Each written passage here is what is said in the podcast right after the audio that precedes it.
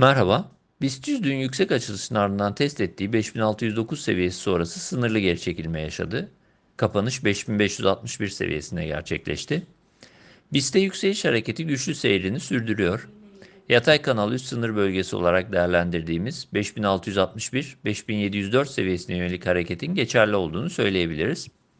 Bu bölgeyi nispeten güçlü direnç bölgesi olarak değerlendiriyoruz. Bununla birlikte aşılması durumunda yeni ve daha güçlü bir hareketin gelişmesi beklenebilir. Olası bu tür bir harekette 6400-6900 yeni hareket bölgesi olabilecektir.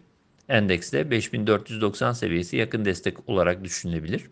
Altına yaşanacak sarkma nispeten güçlü destek bölgesi olduğunu düşündüğümüz 5233-5204 bandını gündeme getirebilecektir.